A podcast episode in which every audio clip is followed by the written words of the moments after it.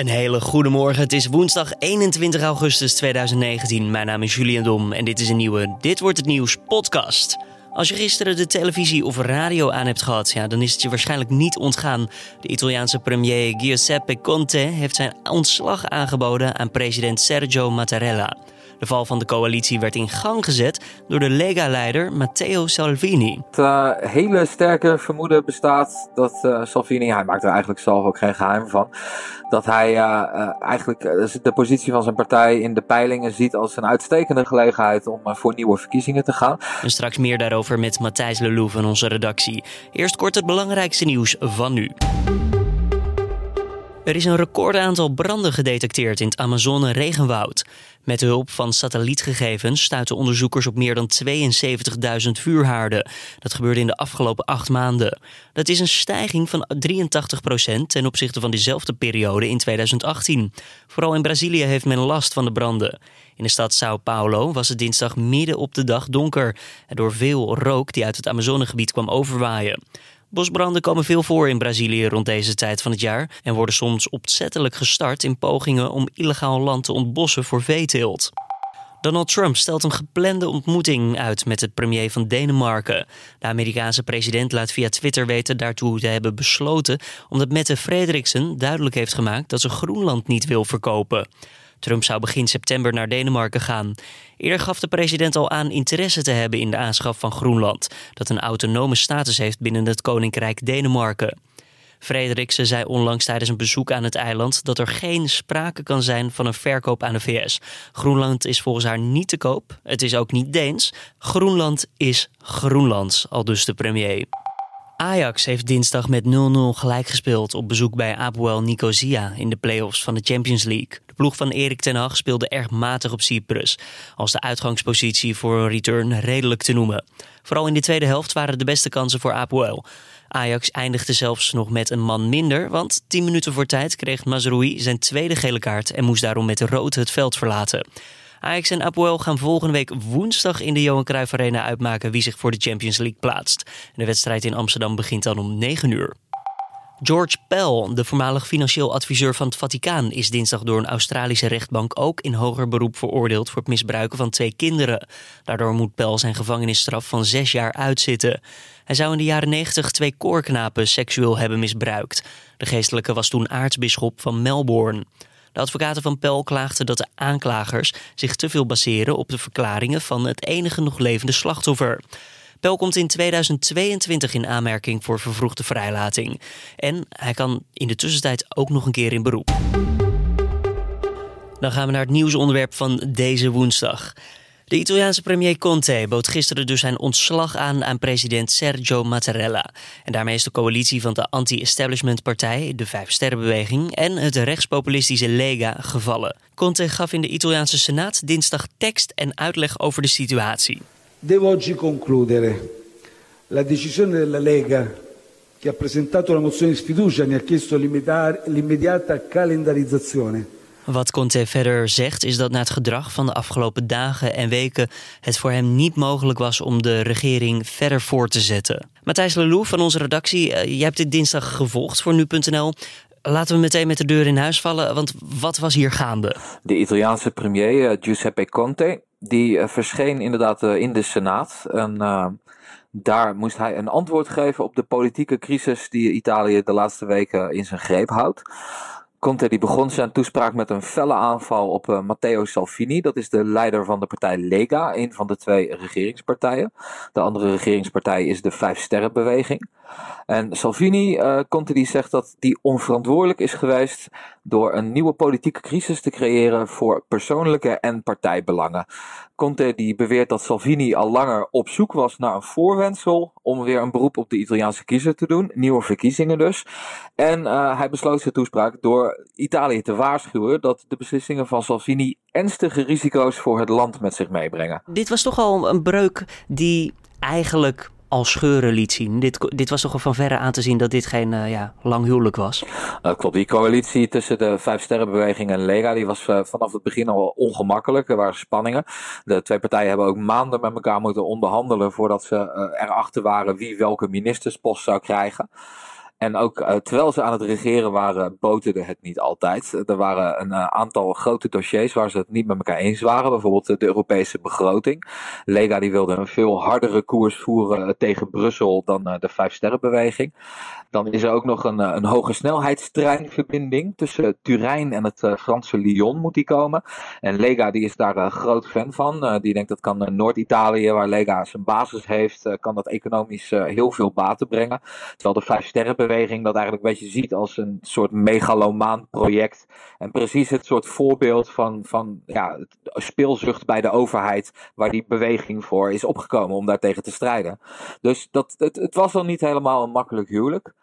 Uh, dat kwam allemaal een beetje tot een kookpunt toen uh, Salvini op uh, 8 augustus opeens bekend maakte dat hij een motie van wantrouwen ging indienen tegen Giuseppe Conte. Oké. En dat hij niet meer samen kan werken met, met de Vijfsterrenbeweging. Want om even duidelijk te maken, Conte, de Italiaanse premier, die is ook gekozen als een tussenoplossing hè, om het een beetje bij elkaar te houden. Ja, dat klopt. Dit, hij is geen lid van, van beide partijen, hij is geen lid van Lega, geen lid van de Vijfsterrenbeweging. Hij is een vrij onbekende econoom was hij uh, voordat hij uh, de politiek werd ingehaald. En uh, hij moest inderdaad een beetje het bindmiddel voor de coalitie zijn. Maar dat is uiteindelijk niet meer helemaal gelukt. Er speelt volgens mij ook iets anders. Want als we naar de peilingen kijken, daar gaat het best wel goed met de Lega. Ja, het uh, hele sterke vermoeden bestaat dat uh, Salvini, hij maakt er eigenlijk zelf ook geen geheim van, dat hij uh, eigenlijk de positie van zijn partij in de peilingen ziet als een uitstekende gelegenheid om voor nieuwe verkiezingen te gaan. Vooral de Europese verkiezingen. als je kijkt naar de resultaten van Lega, die kregen 34% van de stemmen. En de Vijfsterrenbeweging kreeg ongeveer 17% van de stemmen.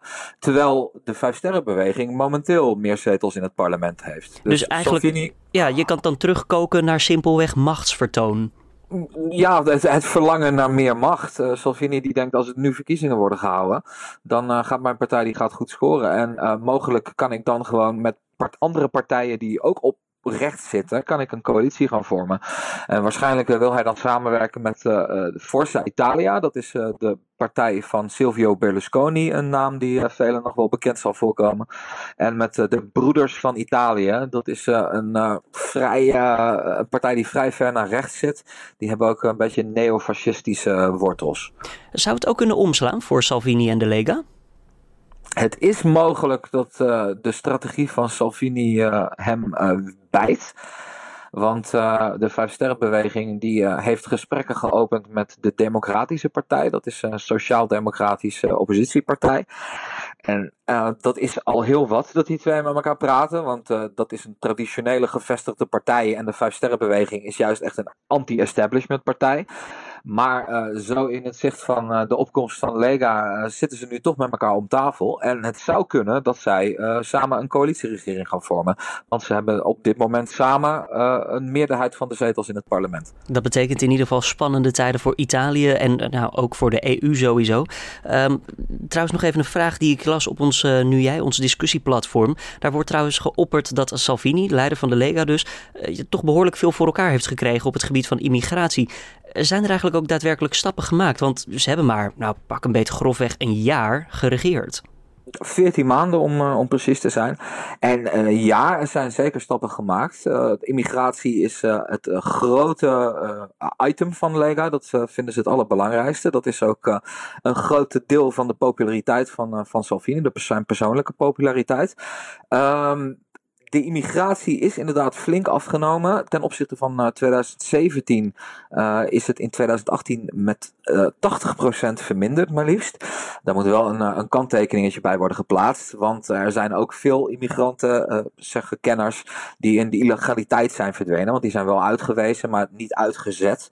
En naar schatting gaat dat nog om zo'n 50.000 tot 150.000 migranten die gewoon nog in Italië zijn, maar niet meer in de statistieken worden meegenomen. En dan nu, wat betekent dit voor de Italianen dan zelf eigenlijk, Matthijs? Uh, morgen meteen naar de stembus? Uh, nu is het aan de president van Italië, Sergio Mattarella. Conte die heeft dinsdagavond zijn ontslag bij hem ingediend. En de president die gaat nu met alle leiders van politieke partijen in gesprek om te kijken of er nog een andere coalitie mogelijk is. En dat zou dus uh, zo'n coalitie tussen de Vijfsterrenbeweging en uh, de Democratische Partij kunnen zijn. Lukt dat niet, dan mogen de Italianen weer naar de stembus. Matthijs Lelou van de Nu.nl-redactie, dankjewel. En we houden het uiteraard in de gaten of we gaan stemmen of dat er toch een andere vorm wordt voortgezet. Je leest het het eerst op Nu.nl. Dan kijken we verder nog eventjes naar de nieuwsagenda voor deze woensdag. De ministers bespreken vanaf vandaag met minister van Financiën, Wopke Hoekstra, hun budget voor volgend jaar. Over ruim vier weken is het Prinsjesdag en dan presenteert de regering de begroting voor 2020. Het wordt in principe de één na laatste begroting voor het kabinet, dat al meer dan de helft van zijn regeerperiode erop heeft zitten. De Britse premier Boris Johnson gaat vandaag op bezoek bij de Duitse bondskanselier Angela Merkel. Het is nog niet bekend waar de regeringsleiders het over zullen hebben, maar het Brexit-besluit zal ongetwijfeld hoog op de agenda staan. Morgen, donderdag dus, gaat Johnson ook nog langs bij de Franse president Macron. En in Amsterdam begint vandaag het hoger beroep in de strafzaak tegen Willem Holleder. Begin juli werd hij veroordeeld tot een levenslange gevangenisstraf voor het geven van opdrachten tot liquidaties. Holleder zal zelf niet aanwezig zijn tijdens de eerste zitting, waarin de zaak nog niet inhoudelijk wordt behandeld. En dan het weer voor deze woensdag. Vandaag overwegend een zonnige dag. De temperaturen die schommelen tussen de 20 en 22 graden bij een zwakke of matige zuidwestenwind. Neerslag is er vrijwel niet. En ook morgen blijft het droog en is er opnieuw veel ruimte voor de zon. Lokaal kan het kwikzand zelfs oplopen tot 26 graden. En op de valreep dan nog even dit. Disney heeft namelijk bekendgemaakt dat de release van de nieuwe Cruella de Vil film is uitgesteld tot 2021.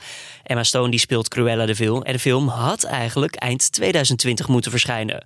Cruella de Vil, voor als je dat niet helemaal weet, is de slechterik uit het boek 101 Dalmatiërs. Het boek verscheen al in 1956.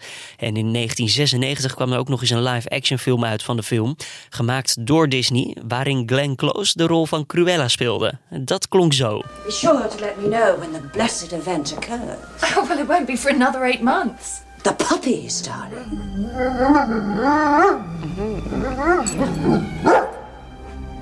I've no use for babies. Cheerio! Cheerio, darling! Mocht je hem niet hebben gezien, dan zou ik zeggen: check zeker eventjes of je hem ergens kan streamen en zet hem aan. Een reden trouwens voor het later uitbrengen van de nieuwe Cruella de Vil film is niet gegeven. En dit was dan de ochtendpodcast voor deze woensdag, de 21ste van augustus. Heb je tips voor ons? Dan kan je het ons altijd laten weten via podcast.nu.nl. Daar kan je ook feedback naar sturen. Zijn we altijd naar op zoek. Ik wens voor nu een fijne woensdag. Mijn naam is Julian Dom en tot morgen.